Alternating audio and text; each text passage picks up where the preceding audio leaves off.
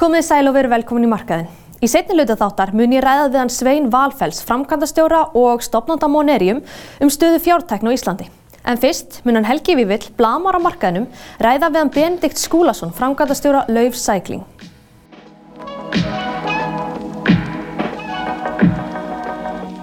Þakka fyrir Magdalena. Sæl Benedikt Skúlason, framkvæmdastjóri Lauf. Þakka fyrir komina. Takk fyrir. Þið sem sagt framleiði hjól, malarhjól Nákvæmlega, passar. og veltan hefur farið frá 100 miljónum fyrir þreymur árum og stefnir í 1 miljard ár. Já, Hver, hverju þakkar þess, þennan árangur? Bara hérna, ég gefast aldrei upp held ég. Bara halda áfram, dag fyrir dag. Vakna á mótnana og fara í, í fötin og, og út og áfram gag, sko. En þið breyttu viðskiptamódulinu. Já, það er náttúrulega úst, endalust sem ég gert á leiðinni, sko. Og hérna, við mörunni mitt á þessum þreymur árum við hefum verið að tvöfaldast svona cirka á ári, sko. Við fórum úr einhverjum hundrað og eitthvað miljónum í núna að verða miljardurinn, sko, í ár. Uh, það er svona nokkur stór skref sko, við fórum að framlega hjól uh, í staðin fyrir að gera bara sko, fjöðunar gafla eins og við gerðum áður. Og við það stekkuðum við aðeins og svo rauninni var það svona kannski þessi, hvað sé, maður kallar, já, slam dunk hérna í þessu hjá okkur þegar uh, á síðast ári, júli á síðast ári við fórum að selja beint til kuna í rauninni Fyrir það það voru að selja í hjól, Já. reyðhjólaverslunum. Já, út um öll bandaríki sko, og bandaríkin hafa verið svona okkar fókusmarkaðar því að þessi gerð af hjólum sem við gerum er, þetta er svona flokkur hjóla sem er rosa stór í bandaríkjónum og uh, af, af ymsum augljósum ástæðum, getum farið það betur á eftir. Um, en í rauninni, við vorum búin að byggja upp sko, sölunet yfir 100 hjólaveslana í bandaríkjónum sem var farin að selja slatt af hjólum. Uh, en, en þetta var bara ekki að renna nógu smurt og það var ekkert eftir í kassanum, þetta var svona alltaf í smá mínus uh, sem að í rauninni var til þess að við tókum þess að svona að mörgum fannst drastísku ákvörðun hérna í, í fyrra, kannski fyrra vor, snemma fyrra vor. Það sem að við síðan á endanum, já, það fórum að undirbyggja það að skipta yfir í direct to consumer eða beint til neytanda mótilið sem við gerðum svo 7. júli í fyrra og síðan þá hefur þetta verið í pluss bara og þá hérna sala hefur verið að tvöfaldast og, og ríflega það oft og bara veistlega sko. Hvað gerðu þið til þess að fá alla viðskiptarvina þá á þessa heimasíðu?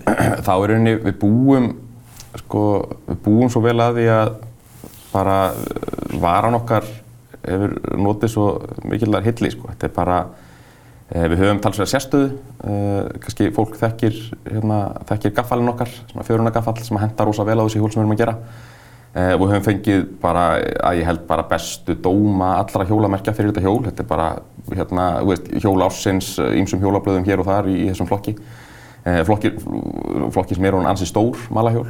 Eh, og þá er rauninni bara það sem að gerðist við að sko fara úr 100 búðum yfir það að vera bara á netinu er að rauninni jógst aðgengið á okkur helling því allt henni gáttu allir keft í rauninni. Eh, og við þurftum kannski ekki þessa kynningu sem við fengum í gegnum búðunar okkar þurftum hann ekkert svo mikið lengur. Eh, og svo kannski að augljósa sem við getum gert í rauninni sem var alltaf svona, sem sáum alltaf í hillingum en, en gátum ekki gert meðan við vorum með endursöluðalina var að í rauninni bara bjóða miklu, miklu sko, betri verðlagningu heldur en aðrir. Þannig að núna erum við að selja hjól bara á, á verðlagningu sem að bara, þú veist, þessi stóru merki Trek, Specialized, Giant, Cannondale, þeir bara geta ekki kæft við þetta. Þannig að við erum í rauninni núna að selja kannski hjóla á kannski 6.500 dólara sem að þeir eru með á 11.000 dólara. Eh, En samt hjól sem er frá betri dóma. Þannig að, þannig að þetta er pínu no-brainer fyrir þá sem að eru svona vel að sér í bransanum er, er að stökka á þetta sko. Óttastu þá ekki að minni keppinutur reynir þá að herma eftir eitthvað viðskiptamódili?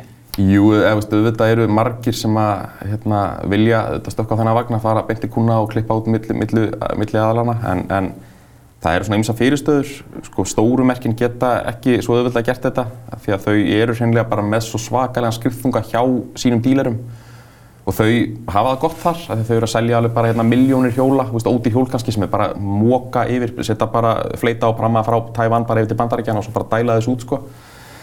Eh, En við auðvitað höfum ekki þá stærðar hagkvæmni, eh, þannig að þeir hafa mikla stærðar hagkvæmni og þess vegna sko, geta þeir ekki verið að fórna þessu fyrir það að, að gera gott móti í beinti kuna Eh, og á sama tíma kannski nýjir aðilar hvað í rauninni, sko, af hverju ætti einhver að kaupa þeim, hvað það var að segja á markanum, af hverju ætti fólk að stökka á eitthvað nýtt brand sem er stopnað allt í hennu. Uh, ef þeir hafi ekki einhverja tæknilega sérstöðu eins og við höfum eitthvað sem að skapa þeim í rauninni, já, sérstöðu gerir betri vöru og, og gefur þeim betri mategli. Þannig að svona, það er ímis svona, hvað segir, barrier of entry í rauninni fyrir aðra í þetta space, blessunulega. Þannig að við svona sitjum pínu, ég segi ekki eina af því, en, svona, já, stöndum helviti vel, ekki mikið um samkeppni akkurat þarna. Er mikilvægst að takja færi þá í til dæmis Bandaríkjunum? Já, alveg bara botlaus. Eh, Það er oft, hérna, það er svona oft, kemur oft upp á skrifstofunni hjá okkur hvort við erum ekki að fara að gera meira í Evrópu og hérna, nú eru svona 80% af sölun okkar í Bandaríkin, mm. nánast allt eða þannig. Eh, En málið er bara Bandaríkin eru bara botlaus í þessu, þetta eru, eh, sko, við erum núna, já, við erum að snerta þarna, erum svona snerta miljardinn eiginlega, eða svona tæplega 100 miljónur á mánuði núna sem við erum að selja. Eh, en við getum hæglega tífalda það og verið samt bara í þessu sko á að, ja, sem að kann að virðast þrönga spacei sem við erum í og bara í bandaríkjónum. Þannig að uh, það er svona pínu markmið okkar á næstu ár að, að, að fylla betur inn í þetta hólf. Þurfum við að sækja féti fjárfesta til þess að styðja við þennan vöxt? Eða? En, nei, sko, fyrsta skipti blessunulega núna þá, þá hérna, erum við orðin bara alveg vel sjálfbær. Það er afgangur bara hverju mánuði og hérna, hverju tekist að, frá því að við fórum sko, uh, í beintil neytanda hana júli síðast, síðast ári, sko, þá, þá hérna, já, hefur bara verið hagnaður síðan þá. Uh, við vorum að vinna í fjármögnum þá sem við síðan bara dróum tilbaka í raunina því að mm. hérna endanum að því að uh, já, það bara meika ekki senslengur, reksturinn stóð það sterkur. En nú er kannski komið það svona, þetta er orðið öðruvísi, maður, maður er orðin vanuði á þessari þrautagöngu í tíu ára að hérna, já, stopna fyrir rúmlega tíu árum hlöf. Uh, það er um alltaf verið með allt undir, það er alltaf bara við höfum ekkert haft pláss fyrir einhverja hérna, björgunabáta, sko. það, er bara, það er alltaf allt undir. Þannig að maður er svona pínum vanu því mindseti, en, nú allt í hennu eru svona aðeins farin að horfa kannski öðruvísi á þetta, það kom meiri skriðþungi í þetta hjá okkur og, og, og höldum að segja hérna skinsamlegt bara kannski núna að skaffa okkur smá björgunarbata og eiga kannski meira veldu fjármagn inn í, mm. inn í næsta ári þegar við erum að horfa á sko, tvöföldun eftir á næsta ári mm. og það gefur auðvitað að þú þarfst að binda slatta af pening í, í byrðum til að ná því eða þú vilt ná því almennilega og, mm. og þjónusta kúnar almennilega og eiga vöruna fyrir hann og geta replacea vöru ef það kemur til þess og verður ekki með allt í, í vesenni sko. Og þar alveg erum við svona svolítið að horfa á hvort við höfum að taka eitthvað, eitthvað peningin í félagi fyrir næsta ár. Mm -hmm. Kemur þetta genið þá, er þetta að horfa til innlenda eða erlendra fjárfesta? E, já, kannski fyrst og síðast innlendra, bara upp á einfallleika því að þetta er, mm. sko, við þurfum ekki, við þurfum ekki að horfa á að taka eitthvað mikinn peningin eða svona mm. hlutastlega, maður velta eins og miljardi, við þurfum kannski að horfa á, veist, eitthvað starra gráðu 200 miljónur eða eitthvað slúðis og næsta ári erum við að horfa á tvöfaldar veldu og við höfum verið að skoða sko, erlenda fjárfæsta bandaríkjónum prímært, þannig að það er okkar markaður og það er auðvitað fullt af fólki sem er áhuga samt um, um mm -hmm. fyrirtækið. En, en hérna það er eiginlega pínu svona að við viljum ekkert vera rugga bátnum, svona þetta aftur þá meðleggingu, hérna við viljum ekkert rugga bátnum mikið með að taka inn erlenda aðla og flækja struktúrun og allt, þannig að frekar haldi þessu einföldu hérna heima fyrir mm -hmm. að móðuskipinu en svo, svo erum við að færa, færa út kvíarna sem átt í bandaríkjum, þá þá vera bara dótturfélag í bandaríkjum sem að vera þá dreifið miðstöð og Já, þeir eru að fara að opna ykkur á skrifstofu þar? Já, já, við erum að opna. Það er bara núna, fyrsti starfsmæður í þeirri skrifstofu, hann er bara mættur núna til uh, Harrisonburg í Virginíu. Þetta er hérna uh, tvo tíma vestur af Washington DC. Uh, rosa svona, fallegur staður, svona hjóla, hjólavætt staður og, góðu staður til að dreifa hjólum út frá í bandaríkjónum. Akkur viltu vera með dreifingu þar þá? Það er rauninni, sko, ímyndað er þetta rauninni að þú ert eitthvað kunni eitthvað bara í Michigan í bandaríkjónum eða eitthvað Þú ert að kaupa frá íslensku fyrirtæki, jú, jú, heima síðan okkar er á ennsku og það og við höfum augljóslega einhverjar hluti í gangi í bandaríkjónum að sleppa hjólum on the ground. En þú ert að kaupa íslensku fyrirtæki og varan er sendt beint frá sko, framleiðslulínun okkar í Tævan. Þannig að þetta er pínu svona, þetta er ekki alveg svona kannski traustveikjandi að þú þekkir merkið ekki þeiminn betur. Mm. Eh, og svo náttúrulega augljóslega sko, er það bara kostnaður við að dreifa vörunni. Nú erum við að senda hreinlega hvert einasta hjól beint til kuna, bara DHL Expressina, bara yfir, yfir hafið beint til kuna í bandaríkjónum. sem er alltaf læg eins og er hérna, eins og ég, framleiðin hún berða alveg en, en, en framleiðin verður miklu meiri við það að fara að taka gáma yfir til hérna Harrisonburg og, dreifa það, þaðan út, út um bandaríkinu öll. Uppbæða fyrirtækir er mjög skemmtilegt. Þú varst að vinna hjá Össuri sem verkfræðingur Já. og lærið þar eitthvað tækni sem þú einhvern veginn heimfæri yfir á hjólabransan. Getur það að safna frá því? Já, nákvæmlega. Hérna, þetta er kannski, maður var alltaf með, hérna, veist, það var ekki markvist, þá var maður alltaf með svona hjól í, í bakhauðinu, maður var alltaf að hjóla og hérna, hafði rosa áhuga á þessum hérna, koldtrefja efnum sem að, svona top of the line hjól eru gerð úr og, og sömulegis gerð við fættur hjá Össuri. Uh, þannig að ég rauninni fór að vinna hjá Össuri vegna áhuga míns á, á hérna, koldtrefjum og, og, og hérna var þar í eitt ára að vinna við það en, en rauninni við það að kynna stefninu betur þá fór ég að sjá meiri möguleika í þessu efni heldur menn höfðu verið að nýta sér í hjólabransanum. Í rauninni fram að þessu höfðu menn eiginlega bara verið að nota sko koldtrefjar til að ná að gera létt hjól en voru hann að líta fram hjá því sem að sko össur er að nýta á sér, er að nota sveigjanleikan. Ég að búa til þess að þú þekkir þessa fætur sem að hérna, já, má alltaf tala um hann lengur, Óskar Pistorius var að hérna, eh, hlaupa fæturnir sem, sem að gefa svo mikið eftir sko og hérna skila orkun eftir. Hérna, þannig að úst, ég svona var vitni að þessari virkni og fór að svona leggja saman tvo og tvo og reyna að fá út fimm sko og hérna og kom í rauninni fekk þessa hugmynd að, að, að fjörunargafli sem ég fengur svo hérna rann í styrki og eitthvað í og, og þá í rauninni var ekkert aftur snúið, þá gæti ég ekkert lengur verið að vinna á össuri og eitthvað neynust, þá bara var hausinn á mig komin alveg þetta og, bara held ég mér út í það og það hefði verið no turning back síðan þá. Þetta já, tíu ár það sýnir okkar svona hvað nýsköpun einhvern veginn getur getið af sér nýsköpun á allt öðrum kymum, atvinnulífsins. Já, þetta er sko, það kemur ekkert úr engu, eða þannig, þetta er alltaf hérna, þetta er ekki, já, standing on shoulders of, of giants, eða ekki? alveg. hérna, þetta er alltaf þannig, þetta þarfst að hafa eitthvað, sko, það sem að við í rauninni, það sem við notum til að brjótast inn á markað sem að allir fjárfestar voru að segja okkur að þetta tæma væri ómögulegt að brjótast inn og það væri lokaður og það væri alltaf sterkir aðalar, hérna var ekkert hægt að koma hraðan inn og eru sumir hverjir ennþá, ennþá að segja það við okkur þrátt fyrir hérna auðvitað tölur eitthvað núna, en, en allavega. Uh, hérna uh, sko þú þarft að hafa eitthvað sérstaka vingilinn, þú þarft að hafa eitthvað fram að færa og það er rosa erfitt að gera það ef að þú hefur bara nákvæmlega sama spilastokk og allir hinnir. Þannig er rauninni við duttum niður á þarna að hafa annan vingilinn sem að allir aðri hjólaframlegendur, þeir, veist, þeir voru ekkert að vinna með þessi efni, þeir voru bara að vinna með, í, sko, þegar þeir voru að reyna að ná fram fjöðrun, þá voru þeir að vinna með loftfjöðrun og, og, og hydrolík dempun á því og það er bara þeirra vopnabúr, þeir eru ekkert með, hérna, þeir eru ekkert að pæli í sko trefjum sem er að sveiflast, sko, eða flexa.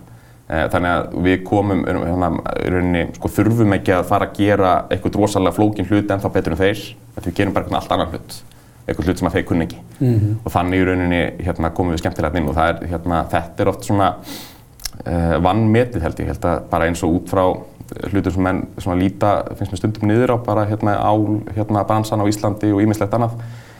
Það kemur oft ímislegt sko út úr þessu. Ég, maður hefur heyrt í fleikta hérna, að, að Össur hafi á mörguleiti hérna, grætt rosa mikið á, á álbransanum að það hafa komið þekking þaðan inn í, inn í það og svo sem hann sætti ekki það í dítil. En þetta er, einmitt, þetta er svona, hérna, nýtum hann þetta skemmtilega, skemmtilega vingil. Látum þetta vera lokaorðin. Takk að kærlega fyrir að koma í þáttum til okkar. Eftir hlje kemur Sveinn Valfells, framkvæmdarstjóri Mónerium og mun ræðum fjártækni.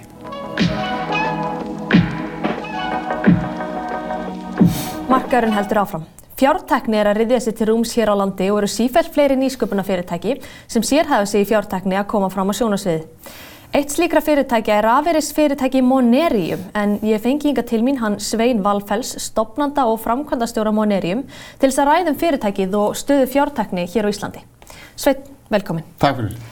Hérna, þú ert stopnandi og framkvæmdastjóri Monerium. Getur svona að byrja á að segja mér frá fyrirtækinu? Já, ég er einn af fjórum stofnendum. Við stofnum fyrirtækið árið 2016. Um, við vorum allir uh, fjóri stofnendunir mjög stemma að byrja að tilengur okkur þess að kalla rafmyndir, bitcoin, ether og aðra sambarilega myndir. Og uh, þessar rafmyndir það byggja allar á svo kallar balkakeðu tækni til þess að senda og, og, og geima þessar rafmyndir. Og þetta eru dreifðir gagnagrunnar sem er, er alveg ný tækni. Um, Svo við veltum okkur fyrir okkur ef, ef þessi tækni e, býður upp á það að senda á milli heimsluta peninga og verðmæti e, e, með litlum tilkostnaði og mjög skjótum hætti og líka forrættilegt. Hvernig var þetta að gera slíkt því sama fyrir hefðbundna peninga? Og við byggðum fyrirtækið upp á þeim grunni að við ætlum að gefa út venjulega peninga á balkakeður. Ekki e, rafmyndirnar, ekki búið til okkur eigin rafmynd, heldur sækjum leifi til þess að verða það sem kallar í Evrópu rafeiris fyrirtæki eða e-money fyrirtæki á ennsku. Slíkt leifi til í Evrópu og er útvært í íslensku lögum og uh, til að gera langar svo stutta þá sóttum við um 2018 og 2019 og fengum við leifi til þess að verða fyrsta fyrirtækið í, í Evrópu sem gefur út hefðbundna peninga á barkakeður. Við erum búin að gefa út eurur, uh, pund og íslenska krónur á uh, tvær barkakeður. Um, nú tilgangurum með þessu er að gera venjulegu fólki og venjulegu fyrirtækjum kleift að nota þessa tækni í hefðbundum viðskiptum. Af því að þó að rafmyndir hafi vaksað gríðalega ört, þá eru flestir sem hugsa ekki bitcoin, ekki ether, eh, heldur í evru, dólar eða krónu eða pundum og við teljum að hefðbundu peningar e, munu vera megin gjaldmiðlinn í uppgjöri e, fólksamilli e, um, um, um fyrirsjálagan tíma þrátt fyrir hraðan vöxt rafnda. Hvenær stopnuðu fyrirtækið og akkur ákveðið að fara út í þetta? Uh, við stopnuðu fyrirtækið af því að, að við vorum uh, við, við vorum eiginlega eins og Satoshi Nakamoto um, höfundur uh, Bitcoin við vorum mjög meðvitaður um gallana og kerfislega vandamáli fjármálakerfinu sem byrtist meðal annars hér á Íslandi 2008 um, um, því miður er það bara þannig, ekki bara á Íslandi heldur öðrum þjóðlutum, að eh, fjármálakerfið er eh, í megindráttum byggt upp af mjög fáum stórum stofnurum og þegar eitthvað fyrir úrskeiðs hjá þeim þá fyrir allt annað í úr samhengi líka og uh, bálkakeðu tækni raunum býður upp á það að búa til annað fjármálakerfi við hliðin á uh, þessu núverði kerfi sem, sem getur ekki komið í staðin fyrir það en heldur stutt við það og þegar áþarf að halda um, e, veitt þjónustu sem, þegar, þegar núverði fjármálakerfi ger það ekki. Einmitt. Þú nefndir átna bálkakeðju tekna, ég held að margir hafa heyrst þetta orðið en fáið kannski átt að segja á því hvaða er. Getur þú svona lístið í stuttumáli? Í stuttumáli er, er þetta gagnagrunnur sem er dreifður og deilt á netinu. Hver bálkakeðu fyrir sig er gagnagrunnur sem eh, er, er hægt að vera með á netinu þannig að allir geta lesið eða skrifað í hann án þess að nokkur geti e, fyrktað í honum eða skemmta. Og þetta er alveg nýjung, þetta er alveg nýjung í maggjumsugunni ef maður fer fjögust ára aftur í tíman og skoður fyrstu gagnagrunna sem voru settið saman, sem voru í, í, hjá Súmerum, þar sem nú er Írak, að þá var það skrifað á leirtöflu með stensli og, og en þá var það e, einn aðli sem einhver prestur í einhverju hofið eða einhver, um, einhver starfsmæður hjá, hjá, hjá keisaranum eða hvaða hér sem held utanum það sem þeir voru að halda um í þeirra tilfelli var það e, aðalega uppsker á kveiti. Veist, þú ferð spólar uh, fjögust ára fram í tíman alveg þángar til árið 2008 þá hafa allir gagnagrunna síðan þá verið einhvern veginn með einhverjum hætti miðlægir. Hvort sem eru kirkjubarækur sem skrá í fæðingar eða döðsvöld Eh, eh, eða eh, útgáfa ríkis á peningum eins og hjá sælaböngum eða útgáfa og utanumhald engaðal á peningum eins og gerist hjá viðskiptaböngunum. Í fyrsta skipti árið 2008 byrtir óþægtur höfundur Satoshi Nakamoto um, uppskrift af því hvernig þetta verður með dreifða gagnangurinn um, og, og notar hann til þess að búa til um, bitcoin og, og þetta er alveg gjörbilding ekki bara í peningamálum heldur líka gjörbilding í upplýsingartækni. En þennan gagnagrunum má gera og þessar tegundir af gagnagrunum má nota til þess að e, styðja við aðra eignaflokka heldur en bara rafmyndir.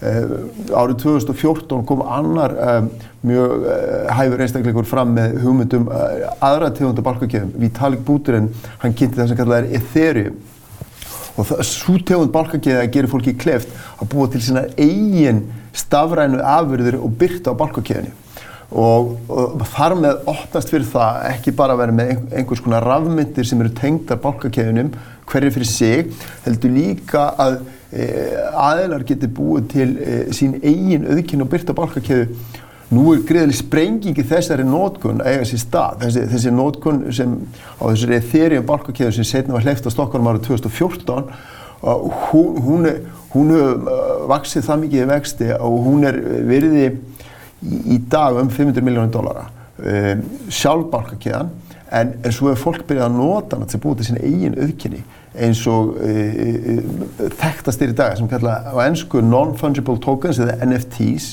til dæmis eða líka fólki farið að skipta á sínum eigin auðkynum í sjálfverkum skiptisamningum. Þannig að þetta er kervislega mikilvægt fyrir eh, ekki bara fjármálaheimin heldur mjög marga markaði að því að þetta tekur í burtu alls konar milliliði sem eru í núverandi e, viðskiptum. Þetta gerur nú kleift að gera í forriti sem næstu hver og einn getur byrt fyrir sig að gera upp viðskipti á milli manna og milli aðela uh, sem annars þurftu uh, þurfti óháðan millilið til þess að hafa. Mætti nota þessi tækni á fleiri sviðum? Já, það má nota hann til dæmis við uppgjör á verbreyfum Um, við vorum eh, með því að vera fyrstir á sínu sviði í, í, í, ekki bara á, í Evrópu og Íslandi heldur líka í heiminum með viðkenda form af peningum á bálkakjöðu þá höfum við um, meðal annars sínt fram á viðskipti e, í samstarfi við e, e, danst fyrirtæki sem heitir Tradeshift. Tradeshift er mjög ávært fyrirtæki af því að það er eitt stærsta þjónustu fyrirtæki sem þjónustar aðfangakeður í heiminum. Í gegnum Tradeshift á hverju ári renna um 500 miljardar bandarækjadólara af peningum. Nú, en þetta er í gegnum gömlu gagnagrunna sem, sem allir eru sunduleitir og þarf að samhafa mjög ítalega til þess að geta gert upp viðskipti. Og þeir eru sjálfur miðlega ekki peningum. Eh, það sem við gerum með TradeShift er að við sýndum fram á hvernig það er hægt að gefa út í áfangakjöðu og við gerum það í samstarfi íslensk fyrirtæki að gefa út uh, reikning fyrir kefta vöru eða þjónustu og gera upp á þess að vera með millið. Hérna, nú hafi gegnum tíðin að komi fram svona ymsar evasendarattir þegar kemur að rafmyndum. Eru rafmyndi framtíðin? Við erum ekki rafmynda fyrirtæki, við erum rafeirist fyrirtæki. Nei, kannski ég spyrði bara út í, vi, út í það líka? Við vi, vi, við erum, við, teljum, rafmyndir, ef þú spyr mér núna, ég sagði þetta fyrir tíu ára síðan og helt fyrirlestur hér 2014 fyrstum Bitcoin og ef það er eitthvað sem ég kom mér á óvart varðandi rafmyndir er í raun og veru að ég var ekki nógu og djarfur að spá fyrir um uh, hversu fljótt það myndi hasla sér völl. Uh, þess vegna ætlum ég að segja að, að með rafmyndir þær eru ekki komin ekki til að vera sem eignaflokkur en það sem verður ennþá stærra en rafmyndir verður uh, þegar þú setur venjulega peninga á borgarkjöðu. Hérna við snúum okkur aðeins svona fjártekni almennt, hver er staðan staðan þegar kemur að fjártækna á Íslandi í dag? Staðan á fjártækna í Íslandi er rosalega góð. Um, tækni sjálf um, byggjar gömlum merk allt til RB á sínu tíma sem var eitt um, uh, mjög leiðandi fyrirtæki í að samþætta ákveðna þjónustur fyrir Íslenska bankakerfið. Nú þegar Íslenski bankunum hrundi ára 2008 þá voru þeir með, með bestu veðmótin á nokkrum böngum sem allan ég þekkti til í heiminum Íslendingar hefur fljóttir að tilengja sér eins og uh, uh, app fyrir snjálfsýmninga síma þannig að tækni sjálf er mjög góð. Um, hins vegar eru sko um, því að Íslendingar eru stafrænt uh, mjög framalega. Það sem ég myndi segja að veri, það er mörg áhugaverð fyrirtæki hér, það er alveg frábær þjón að ráðstefna í hörpu haldin fyrir nokkrum síðan sem Gunnur Jónsson formaði fjartakniklassans um, skipulaði, mörg góð fyrirtæki. Um, þannig að ég, ég held að fjártækni á Íslandi standi bara rosalega framalega akkurat núna þar að segja í, í græsútunni ég held að þessi koma upp úr græsútunni í dag mörg mjög áhugaverð fyrirtæki og ekki bara mánir Hérna, uh, hvernig er umhverfi nýsköpunarfyrirtæki á Íslandi í dag? Já, það er bæði gott og slæmt. Um, það er gott að því leitinu, uh, hér eru oft stuttar bóðleðir, hér eru menn fljótir að uh, hittast, uh, hér eru menn fljótir að, og það, það er fólk sem hefur komið víða að, starfa víða erlendis, um, eða verið með návíða erlendis, tækni um, þekkingar og mörguleitin mjög góð. Þannig að það er ákveð ráöfni hér í fólki sem er mjög gott. Um, hins vegar eru það sem vantar helst eru sterkir innviðir. Og þá á ég ekki við einhver sérstaklega ingripp fyrir, um, fyrir uh, nýsköpun almennt af því að, að, að nýsköpun fær hér í skattafræðrætti, við getum sótt um styrki í rannis eins og móneirim hjúnulegt er góðs af og, og, og þarfram til góðurum það sem vantar hér er bara styrkja almennt innviði í þjóðfélaginu uh, svo að við getum starfa hér Uh, og, og á þess að verða fyrir hvað var að segja utanakomandi áreiti og ég vil nefna sérstaklega í, í samíkju við faraldurinn að líkil fólk hjá fyrirtækinu lendi ítrekkaði sótkví vegna smit í næru umhverfi af því að hér var ekki haldið nógu vel utanum sótvarnir á landamærunum. Líkil maður í okkar fyrirtæki var veikum með COVID vorum að loka hlutafjárútbóði í mitt sumar. Þannig að það er algjört líkil aðdreiðu horfum til nána framtíðar fyrir okkar fyrirtæki að e, hér sé hlustað á sótartalækni og aðra sem er að leggja til uh, hvernig á að halda á sótturnum svo þjóðfélagi leggist ekki aftur á hliðina uh, vegna þessa faraldurs. Það eru slíkir innviðir sem, sem ríkistjóðin hefur og, og, og ekki bara þessi heldur fyrir ríkistjóðin hafa vanrægt að mínu dómi. Kanski þú svarir mér örstuð til lokin, hver er svona tækifærin í heiminum almennt fyrir rafverðis fyrirtæki? Um, tækifærin okkar eh, er að verða jafn stór og, og Paypal hefur orðið á 20 árum eh, eða Stripe á 10 árum. Eh, í því samingi vil ég nefna að við lókum hlutafjárútbóði í sömar og við fengum til liðs við fyrirtækis fjárfesta sem eru mjög reyndir í bæði tækni og fjártækni og þar var það leit meðstofnuna Wise sem var skráð á Londons uh, kaupallina í sumar uh, andverðið um 10 miljardar punta. Uh, þessi heimur getur vaksið mjög hratt og þannig að tækifæri sem við stöndum fram á fyrir er að verða í raun og verið þriðja kynslu á fyrirtækja sem auðvelda greiðslumilun og uppgjör viðskipta á fyrirtækjunu, á, á internetinu og, og, og við gætum orðið, ja, okkar tækifæri sem við stöndum fram með fyrir núna er jafnstort það sem Paypal stóð fram með fyrir áður eða Stripe fyrir tíu árum síðan og að minnst og kosti jafnstort á það. Sveit, þakka að kella fyrir komina. Takk sem þess. Markaðurum verð ekki lengri í kvöld en ég vil þakka ykkur kærlega fyrir áhorfið og hvet ykkur til að fylgjast með réttaverfnum okkar markaðurinn.is þar sem allar helstu viðskiptafrétti koma inn. Við sjáumst svo aftur að viku liðni klukkan 7 hér á Ringbrönd. Verið sæl.